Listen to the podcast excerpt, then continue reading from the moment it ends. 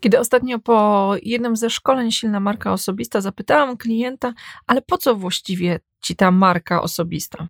Odpowiedział mi, wiesz Angelika, będę mógł sięgnąć po większe projekty. Technicznie i operacyjnie jesteśmy już na to gotowi. Mam technologię, która jest w stanie obsłużyć gigantycznych klientów. Mam zaplecze ludzi, firmę. Więcej, już nawet robiłem podobne projekty, jednak mam za sobą markę osobistą, żeby być dla ludzi gwarantem solidności i rzetelności tego, że ja, jako mniejsza firma, ten projekt pociągnę. No i mam wrażenie, że tą wypowiedzią wtedy uderzył w sedno. Silny personal brand pozwala sięgnąć po większe projekty i dla klientów w biznesie jest gwarantem rzetelności. Dlatego w tym odcinku podcastu opowiem Ci, w jaki sposób stosować personal branding w biznesie. Powiem, jakich korzyści możesz się spodziewać, jakie są koszty w związku z tym, bo nie ma nic za darmo, jakie są wady, jak radzić sobie z wyzwaniami i podam konkretne narzędzia, których ja osobiście używam lub moi klienci używają, które pozwalają im trochę zbalansować koszty z zyskami. Jak zawsze, a może wręcz przeciwnie, nie jak zawsze, bo od kilku ostatnich odcinków u mnie na stronie himkoska.com znajdziesz rozpisany artykuł, gdzie wzrokowo to wszystko, o czym mówię, będzie można zobaczyć, kliknąć w odpowiednie linki i zastosować wiedzę w praktyce. Także jeżeli chcesz zastosować w praktyce to, o czym opowiadam w tym odcinku, koniecznie wejdź na himkoska.com łamane na personal branding w biznesie. No to zaczynamy od korzyści. Ogólnie dla biznesu. Za chwilę się skupię na tym, jak to wygląda w przypadku osób indywidualnych, osób, które prowadzą firmę, są freelancerami albo mają zespół, a jak to wygląda dla ciebie, słuchaczu, jeżeli jesteś etatowcem zatrudnionym na etacie, osobą specjalistą, na jakie korzyści można liczyć, po to, żeby w ogóle zastanowić się i zważyć, zmierzyć, czy w ogóle w ten personal branding ja chciałbym inwestować. To po pierwsze, jedną kluczową i uniwersalną korzyścią są klienci. Nasza większa widoczność w social media, w internecie, pojawianie się w kontekście tematów ważnych, Więcej, jako osoby, które mamy silne marki osobiste, często jesteśmy zapraszani przez inne silne marki osobiste. Pojawiamy się obok innych osób, które mają e, silny personal brand. w związku z tym ten efekt księżyca psychologiczny działa i to powoduje, że zyskujemy coś, co jest uniwersalne dla każdego w biznesie, mianowicie reputację, zaufanie i coś, co bym na, nazwała renomą i wydarza się to nie tylko przez siłę naszej marki, ale też kontekst, to kim się otaczamy i w jakim kontekście występujemy. Kolejna rzecz to jest rekrutacja. Niezależnie czy jesteś liderem w zespole na etacie, czy masz swój zespół jako firma, prowadzisz swój zespół, prowadzisz swoją firmę, to właśnie z osobami, które są rozpoznawalne, które mają renomę, które mają wiarygodność, chcą pracować dobrzy ludzie. I problem ściągnięcia talentów z rynku, myślę, że każdy, kto się z tym mierzy, wie, jak to jest kosztowne czasowo, jak to jest kosztowne, jeżeli chodzi o koszty realne, faktury od firm rekrutacyjnych. Personal brand pozwala ci ściągać właściwie bezkosztowo talenty do swojej firmy. No i ostatnia rzecz, o której wspomniał na samym początku mój klient, mówiąc o tym, że większe zaufanie, silniejsza marka powodują, że nasi klienci szybciej i w większym komforcie podejmują decyzję zakupową. To teraz skupmy się na tym aspekcie sytuacji, w której prowadzisz firmę. I niezależnie, czy jesteś freelancerem, pojedynczym ekspertem, który działa w swojej przestrzeni, ma wąską specjalizację, wąską niszę, to silna marka osobista z jednej strony jest tym gwarantem, o którym powiedziałam przed chwilą, gwarantem tego solidności, e, tego, że klient czuje się bezpiecznie w kontekście podejmowania decyzji na tak w styku z Twoją ofertą, to Ty jako osoba jesteś ważnym wyróżnikiem. To jest ten powód, dla którego odróżniamy Steve'a Jobsa od wielu innych osób, które prowadzą biznes. Odróżniamy Michała Sadowskiego od wielu innych firm które prowadzą podobny biznes. To staje się znacznym wyróżnikiem, bo o ile można wyróżnić się lub zginąć właśnie w kontekście brandingu, kolorów, tej wizualnej strony, tak osobowość i osoba właściciela firmy jest tym, co już jest nie do podrobienia i nie do skopiowania. Druga rzecz to jest łatwiejszy networking. Silna marka, silna reputacja, rekomendacje, wskutek czego łatwiej ci wejść do różnych przestrzeni, gdzie już są skupiska osób, które są prawdopodobnie Twoją grupą docelową, a z drugiej strony to Ty jesteś zapraszany. Często jako prelegent, tak, często jako osoba, która ma opowiedzieć o tak zwanych case'ach swoich firmowych, po to, żeby wesprzeć daną społeczność, a nawet jeszcze częściej po to, żeby tam nawiązywać relacje biznesowe. O sprzedaży już wspomniałam. O zaufaniu. Dla mnie zaufanie wiąże się ze sprzedażą. Zdecydowanie silna marka osobista ułatwia sprzedaż. Po drugie, marża. To, co biznesy y, lubią najbardziej. To, co biznesy potrzebują, żeby się rozwijać, żeby coraz lepiej funkcjonować, żeby zapewniać coraz lepszy serwis, to jest marża. Jesteś w stanie podać wyższą stawkę za usługę, kiedy stoi za tobą silna marka i ty jesteś gwarantem tego, że te pieniądze będą dobrze zainwestowane. Nie masz silnej marki, walczysz wtedy głównie ceną. Stąd ja mam takie powiedzenie, że albo silna marka, albo niska cena. Musisz mieć najniższą cenę z możliwej, jeżeli nie masz zbudowanej silnej marki. Druga rzecz, to też dla liderów. E, jeżeli masz silną markę osobistą, to ona transferuje na Twój zespół. Klienci są w stanie zaufać Twojemu zespołowi, poczuć się bezpieczni w pracy, w projektach z Twoim zespołem, dlatego że ufają Tobie. Dlatego, że to ty jesteś tym gwarantem, że to będzie na najwyższym poziomie, że skoro ty zatrudniłeś tych ludzi, to oni muszą być dobrzy. No i ostatnia rzecz. Wspomniałam o networkingu, o rekomendacjach, o tym, że często trafiamy do mniejszych społeczności, do których możemy wejść bliżej.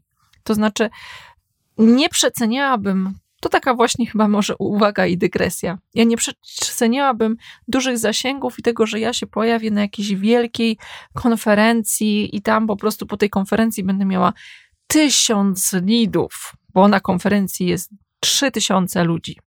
Nie. Często widzę z własnego doświadczenia również, że pojawiając się w mniejszych społecznościach, gdzie jest większe skupienie, zawężona tematyka, gdzie ja mogę pokazać realne case'y, które są ważne dla moich odbiorców, to tam zwrot z inwestycji czasu jest o wiele wyższy. Ale tak, silna marka osobista to jest powód, dla którego zapraszają cię na różnego typu konferencje, w telewizji, w radio, w prasie, proszą cię o wypowiedzi, o to, żeby skomentować pewne raporty, wskazać na trendy. No i to nakręca tą kulę śnieżną, bo ciebie zapraszają, wypowiadasz się, pojawiasz się, inni cię zapraszają, budujesz reputację, ponieważ pojawiasz się w określonym kontekście, przy konkretnych dużych logotypach e, TVN-u, gazety czy czegokolwiek innego. I to powoduje, że ta kula zaczyna się robić coraz większa i coraz szybciej zaczyna się kręcić.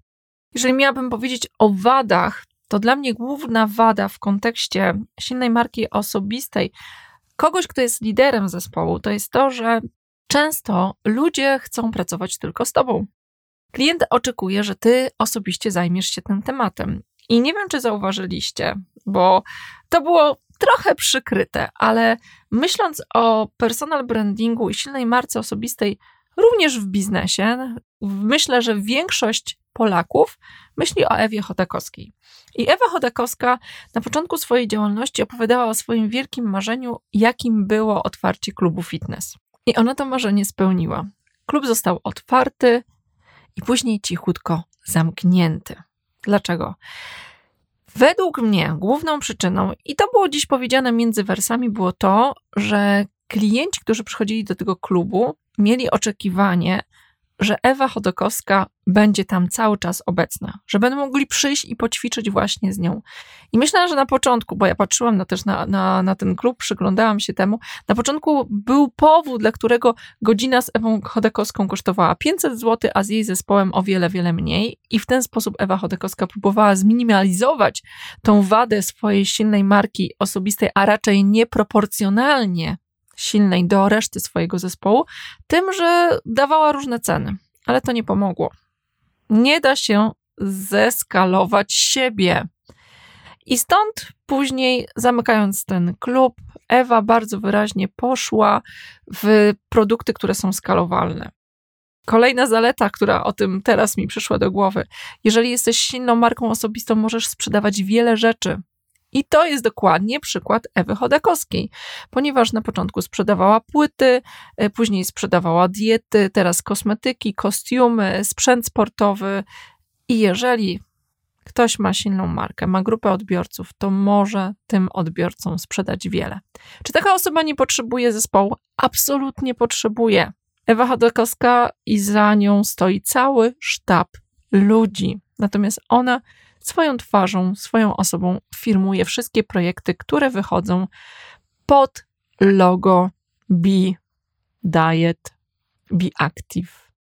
O wadach jeszcze więcej powiem później, natomiast te są typowe dla sytuacji, w której ty jesteś właścicielem firmy, właścicielem biznesu, freelancerem, osobą, która prowadzi biznes i buduje swój mocny personal brand. Rada na to jedna główna: buduj silne marki swoich pracowników i płynnie przechodzimy do sytuacji, w której pracujesz na etacie i chce, zastanawiasz się, chcesz mieć silną markę osobistą, dlaczego warto, co może ci to dać, co będziesz miał, że tak powiem, na wylocie z tego.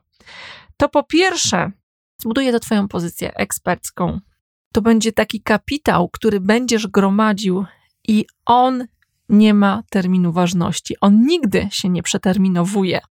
Po czym poznasz, że to już masz, poznasz to zwyczajnie po tym, że ludzie, klienci chcą pracować głównie z tobą. Przychodząc do firmy, mówią: Ja poproszę z panią Agnieszką, ja poproszę z panem Krzyśkiem. To jednoznacznie wpłynie na Twoje zarobki, jeżeli mielibyśmy mówić o tym, co jest bardzo realne. Oprócz tego, że dostaniesz duży zastrzyk poczucia satysfakcji i pewności siebie, to będą też lepsze zarobki. Będziesz miał argument, żeby negocjować ze swoim pracodawcą. Klienci zaczną chwalić ciebie, to będzie wpływać na Twoją markę i też na markę firmy, co spowoduje, że może trochę brzydko to powiem, ale tak będziesz ważnym zasobem reputacji i zaufania. A dla pracodawcy nie ma nic lepszego nie ma lepszego argumentu za tym, żeby tobie właśnie więcej zapłacić, żeby cię docenić i żeby dawać ci lepsze projekty. jeżeli jesteś osobą, która chce się rozwijać, która chce robić ciekawe rzeczy, to to może zdecydowanie ci pomóc. Większe projekty, większe pieniądze, ale też jest jeszcze dodatkowy sposób na zarabianie, będąc na etacie. Jeżeli masz taki układ, albo możesz stworzyć aneks, porozmawiać ze swoim pracodawcą o tym, że chciałbyś dodatkowo oprócz pracy zawodowej robić projekty, oczywiście nie dla konkurencji, związane z tym, czym się zajmujesz, to to pozwoli ci zdobyć dodatkowe pieniądze, zarabiać, budować jeszcze mocniej swoją pozycję. Ja pracując w jednej z dużych korporacji, miałam właśnie taki układ i dzięki temu już o wiele, wiele wcześniej, jeszcze na etacie, mogłam zarabiać dodatkowe pieniądze za coś, w czym byłam specjalistą, w czym się rozwijałam i w czym stawałam się coraz większym ekspertem i oczywiście w czym miałam coraz większy personal brand. No i coś, co jest wspólne dla osób na etacie i dla osób, które pracują jako właściciele własnych firm, to jest to, że przyciągasz talenty. Ty, jako lider zespołu, pracując na etacie z silną marką, też przyciągasz lepsze talenty z rynku, więc warto no i teraz powiem o tym, jakie są koszty, bo to tylko nie miód i orzeszki, bynajmniej. Jak sobie z tym wszystkim poradzić, bo myślę, że wiele osób, które się zastanawia nad tym tematem, ma duże obawy. Pierwszy dla mnie gigantyczny minus jest taki, że to jest duża presja jakości, wyższe oczekiwania, wręcz zero litości. I stąd widzicie często w social media, a ten znany ekspert nie odpowiedział na mojego SMS-a, nie odpowiedział mi na Messengerze. Większa popularność to większa presja i większe oczekiwania.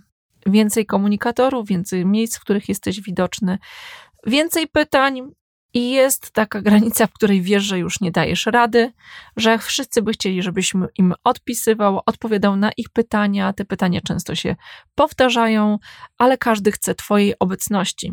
Niestety nie da się. O tym, jak sobie z tym poradzić, powiem później. Czas i regularność publikacji to jest taki drugi punkt, o którym mogłabym powiedzieć, że jest konieczny, jeżeli chodzi o to, żeby budować swoją silną markę osobistą, więc wymaga tego. To jest taki koszt, który musisz ponieść. Musisz myśleć o sobie jako o wydawnictwie. Jesteś wydawnictwem, wydawnictwo ma dzienniki, tygodniki, miesięczniki, pojawia się cyklicznie. Jeżeli się zobowiązujesz dla swoich odbiorców pojawiać się cyklicznie w jakiejkolwiek formie, to musisz to robić i to oznacza, że nie ma bata. Nie chcę się, ale muszę. Trzecia rzecz to popularność. Z jednej strony szukamy popularności, a później myślimy sobie, jak to było fajnie, kiedy było się anonimowym. Ja jeszcze nie mam tego problemu, choć kilka razy zdarzyła mi się taka zaskakująca sytuacja, w której ktoś rozpoznaje mnie w metrze i ja zamiast sobie odpocząć, to po prostu yy, rozmawiam, co jest bardzo miłe, ale czasami mamy różne plany na dzień. Inna fajna sytuacja, mianowicie stałam kiedyś obok Doroty Wellman, podchodzi osoba i mówi, że chce sobie zrobić zdjęcie, więc ja się grzecznie odsuwam. No to ta osoba mówi, ale ja chciałam zrobić sobie z panią zdjęcie. I to była taka jaskółka, która spowodowała, że pomyślałam sobie, że dla niektórych osób mój status może być ważny, moja osoba staje się ważna i ta popularność będzie coraz większa i rzeczywiście tak się dzieje. Póki co nie mam żadnych problemów, absolutnie, ale wiem, że w pewnym momencie to może być przytłaczające. Obejrz sobie taki film, który się nazywa Fake Famous. I w tym filmie osoby, które nagle stają się bardzo popularne, widać, jak one sobie nie radzą, jak się załamują psychicznie. I trzeba zaplanować, jak sobie postawić granice. O tym za chwilę powiem, natomiast o ile myślisz sobie, ale Angelika, come on, przecież to nie jest problem, ja właśnie tego chcę. Chcę trochę cię ostrzec, że może okazać się, że niekoniecznie tego chcesz, ale nie będę mówiła za dużo. Niech tak się stanie, jeżeli tego chcesz, bądź popularny, ale bądź też w tym uważny. No i czwarta rzecz. Uzależnienie od social media. Skoki popularności, pojawianie się różnego typu rankingach, szczyty w rankingach. Ostatnio sama zostałam wymieniona wśród 25 mistrzyń LinkedIna Forbes Woman na piątym miejscu. I powiem Wam, że to jest taki skok dopaminy do mózgu uzależniający, że ja w tamtym momencie po prostu postanowiłam wylogować się z social mediów po to, żeby ciągle nie sprawdzać, ile osób to przeczytało, ile osób mi e, pogratulowało, e, kto tam jeszcze jest i jak, jakie to reakcje wywodzi. Niewiele osób się do tego przyznaje, ale uzależnienie od social media, od właśnie takich pozytywnych bodźców, które budują poczucie wartości, pewnie u tych, którzy jeszcze go nie mają, niestety bardzo, bardzo słabo to buduje, to zaburza moc, mocno Twoją wewnątrz sterowność. Zaczynasz chcieć się podobać, robić rzeczy, które podobają się innym, a nie robić te rzeczy, które są ważne.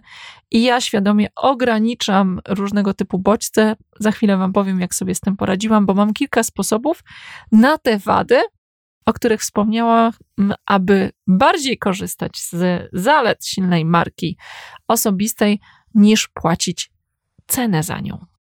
No i teraz rozwiązania, rozwiązania na te wady. Jeżeli myślimy i e, widzimy już wysokie oczekiwania, zacznijcie stawiać i głośno mówić o limitach, o tym, że nie jesteście w stanie odpowiadać na wszystkie wiadomości, że nie rozmawiacie przez Messengera, że jeżeli ktoś coś od ciebie potrzebuje, to proszę bardzo, zapraszam tutaj na maila i podajesz maila, który obsługujesz nie tylko ty, ale też twój zespół. Myślę, że ludzie nie mają takiej, nie wszyscy przynajmniej, nie mają takiego oczekiwania, że to ciągle ty będziesz siedział na darmowej infolinii i odpowiadał na wszystkie pytania, ale zdecydowanie czasem chcą ten kontakt osobisty. pozwól im na to, ale ogranicz to do jednego kanału, wskutek czego tobie łatwiej będzie tym zarządzać, tobie łatwiej będzie tym to kontrolować. Druga rzecz to była czas i regularność. To było to, że musimy działać cyklicznie. Ja mam na to, na to, taki patent, że zwyczajnie po prostu mam zaplanowane na miesiąc wszystkie publikacje, a pomiędzy nimi robię różne rzeczy nieregularnie. I ja oczywiście mam zespół, z którym pracuję.